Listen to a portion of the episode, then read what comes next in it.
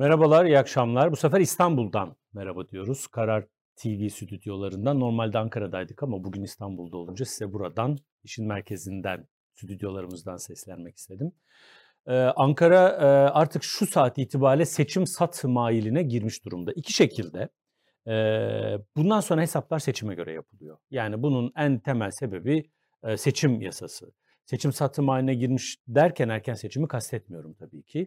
Aslına bakarsanız işi bilenler, Ankara'nın havasını koklayanlar son iki senedir e, biz erken seçim olmayacağını aslında biraz dillendiriyorduk. Bu Cumhurbaşkanı Erdoğan'ın e, seçimleri düşünmediği, seçmeni düşünmediği, attığı adımların sandıkta nasıl bir karşılık bulacağını hesap etmediği anlamına gelmiyor.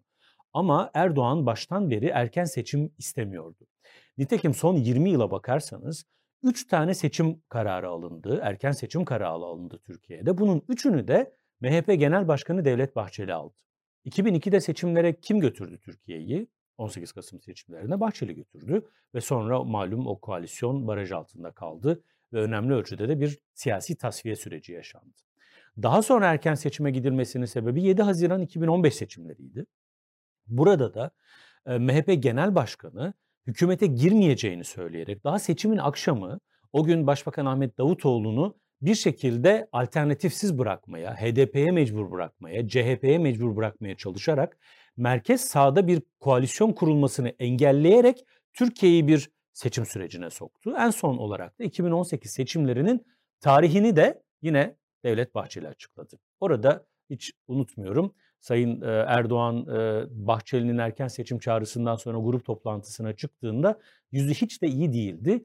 AK Parti sadece seçimin ay ve gün olarak tarihini belirleyebildi, değiştirebildi ama erken seçimi engelleyemedi. Dolayısıyla Cumhurbaşkanı Erdoğan hiçbir zaman erken seçimden yana bir lider olmadı bugüne kadar.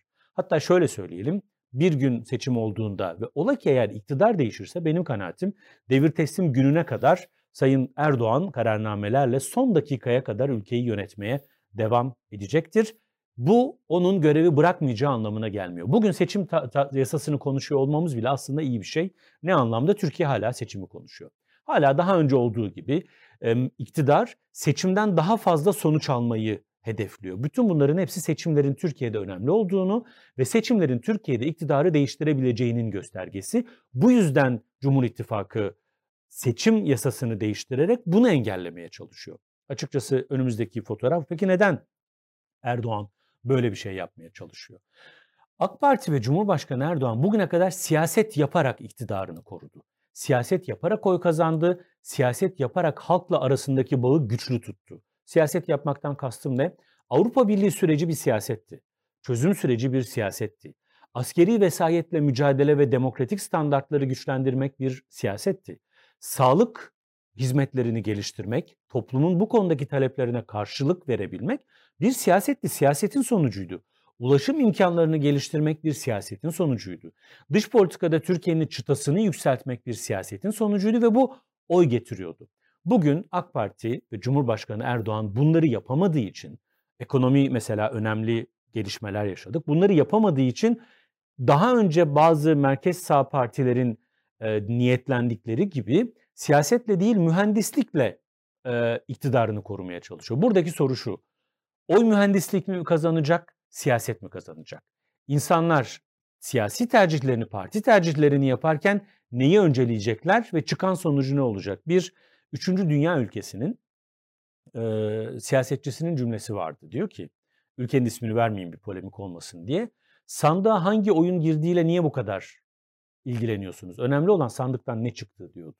Yani biz sandık sonuçlarını istediğimiz gibi manipüle edebiliriz diyordu. Ne yazık ki bugün Türkiye yavaş yavaş bu noktaya geliyor. Bu seçim yasası da biraz bunun yansıması. Ama şunu söylemek bence zor değil. Bu mühendislik çabaları her zaman iktidarın istediği gibi bir sonuç üretemeyebilir.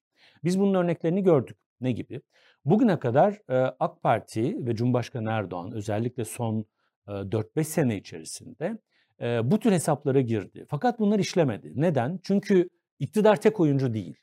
Cumhurbaşkanı Erdoğan'ı tek karar verici değil. Evet iktidar kendi gücünü koruyabilmek, seçimleri kazanabilmek için yasal düzenlemelerle bazı avantajlar kazanmaya çalışıyor. Ya da muhaliflerini, alternatif, iktidar alternatiflerini engellemeye çalışıyor. Fakat bunlar her zaman işe yaramadı. Nerede gördük? Bunlardan bir tanesi İyi Parti'nin e, seçimlere girmesini engelleme çabasıydı. Ne oldu? Muhalefette Cumhuriyet Halk Partisi Kemal Kılıçdaroğlu 20 milletvekili transferiyle bunun önünü tıkadı. Aynı şey ittifaklarlaydı. İttifak yaparken, Cumhur İttifakı kurulurken Erdoğan'ın ve Bahçeli'nin aklında bir oyun planı vardı. İttifak kurulacak ve bu bir güç birlikteliği olacak ve karşıda da bir ittifak olmadığı için kesin galip olacaklar. Hesap edemedikleri şey şuydu. Muhalefet de bir ittifak kurabildi ki zor olan muhalefetin ittifak olabilmesiydi. Çünkü orada siyasal bir birliktelik yok. Yani siyasi vizyon birlikteliği yok. CHP, İyi Parti, HDP, Saadet Partisi, daha önceki seçimlerden bahsediyorum. Ortak siyasal öncelikleri olan, ortak siyasal söylemleri ve dili olan partiler değil. O yüzden MHP ve AK Parti'nin aksine bir araya gelmeleri ve ortak hareket etmeleri zor olan bir e, grubu oluşturuyorlardı. Fakat orada da evdeki hesap çarşıya uymadı. Muhalefet birlikte stratejik oy diyebilirsiniz. Adına ne derseniz deyin birlikte hareket etmeyi başardı ve yerel seçimlerde iktidar ittifak matematiğine yenildi. Yani kendi hesabı tutmadı. Şimdi tekrar bir yeni bir hesabın içerisinde. Bunun da tutacağının garantisi yok. Son tahlilde bu mevcut oy düzleminde anlam ifade eden bir seçim yasa tasarısı ve burada da e, tahmin edebildiğim kadarıyla Cumhurbaşkanı Erdoğan bir seçimi kazanacağını ve eğer ki ola ki yenilecek olursa ya da kaybedecek olursa arada çok büyük farklar olmayacağını düşünüyor. Bu seçim yasa taslağının organizasyonu da bunu yansıtıyor. %7 mesela MHP'nin %7'nin altında kalma ihtimali ne kadar göz önüne alındı ve onun üzerinden hareket edildi. Bu bir soru işareti. Dolayısıyla eğer bu denge daha fazla bozulursa son bir yıldır gördüğümüz trend muhalefetin lehine, iktidarın aleyhine olan trend devam ederse bu taslak, bu çaba, bu hesaplama iktidarın aleyhine de e, işleyebilir. Fakat bu sadece e, böyle bir çabanın sonucu değil. Cumhurbaşkanı Erdoğan'ın seçimlere giderken her şeyi yapabileceğini de gösteriyor. Her şeyden kastım şu, siyasetin sınırları içerisinde her türlü farklı adıma Türkiye'nin hazır olması gerektiğini e, ifade ediyor. E, bundan kastım şu, bunu mesela eski Başbakan Tansu Çiller'in e, yeni parti kurma hazırlığıyla birlikte okumak lazım. Yani neyi söylüyorum? Seçim yasasıyla oynamak, seçim yasası bağlamındaki bu değişiklikte bu da geliyor. Yüksek seçim kurullarının yapılarını değiştirmek. Yüksek seçim kurullarında alınacak kararlara müdahale edebilmek. Yeni siyasi partiler oluşturmak mevcut muhalefet siyaset partilerinin içine oynamak, orada aktörlerle diyaloğa girmek, bütün bunlar an itibariyle masada. Dolayısıyla Ankara başta söylediğim cümleyi e, sözü tekrar etmek istersem seçim satım haline bu anlamda girmiş vaziyette. Bu saat itibariyle atılacak adımlar, yapılacak görüşmeler, toplantılar, milletvekilleriyle kurulacak olan hesaplar ki Cumhurbaşkanı Erdoğan geçtiğimiz günlerde kendi milletvekilleriyle bir araya geldi ki milletvekillerini anlamsızlaştıran, milletvekillerinin fonksiyonlarını elinden alan, milletvekillerinin hem bakanlar nezdinde hem de toplum nezdinde itibarlarını kaybetmesine sebep olan başkanlık sisteminin savunucusu Cumhurbaşkanı Erdoğan fakat seçime gidiliyor. Dolayısıyla bu milletvekillerine ihtiyaç var. Arazide çalışmaları gerekiyor. Bu buluşmayı da o çerçevede okumak gerekiyor. Dolayısıyla bundan sonra iktidar seçime yaklaşırken bu az önce bahsettiğim alternatiflerin hepsini kullanmaya çalışacaktır.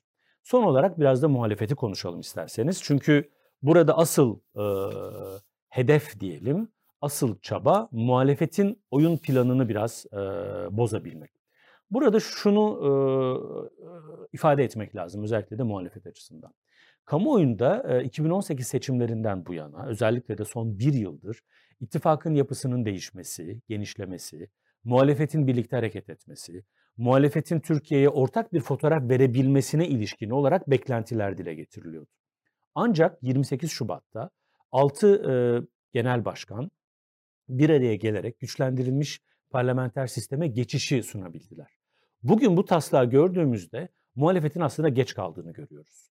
Eğer muhalefet ittifak yapılarını ve birlikte hareket etmeyi bundan çok önce başarabilmiş olsaydı bu taslağı farklı görebilirdik. Ama bu saat itibariyle yine muhalefet e, reaktif, e, proaktif değil reaktif tavır almak zorunda kalacak. Yani kendi öncelikleri, kendi hesapları üzerinden değil, iktidarın koyduğu sınırlar çerçevesinde yeni bir ittifak haritası belirlemek zorunda kalacak. Burada da oyun kurucu muhalefet değil iktidar olacak. Dolayısıyla kişisel kanaatim muhalefetin bugüne kadar çoktan ittifak yapısını, nasıl yol yürüyeceğini belirlemiş olması gerekiyordu. Şimdi iktidarın kuralları çerçevesinde bütün yol haritasını yeniden gözden geçirmesi gerekiyor.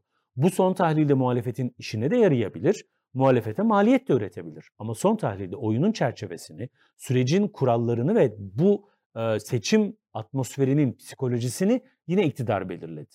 Şöyle olsaydı belki daha mantıklı olabilirdi. İktidar bir e, seçim yasası getirecek. O yasa gelene kadar bekliyoruz. Onu göreceğiz, öyle adım atacağız. Bu da bir stratejiydi. Fakat burada yine muhalefetin biraz geride kaldığını, zamanın muhalefet aleyhine işlediğini görüyoruz.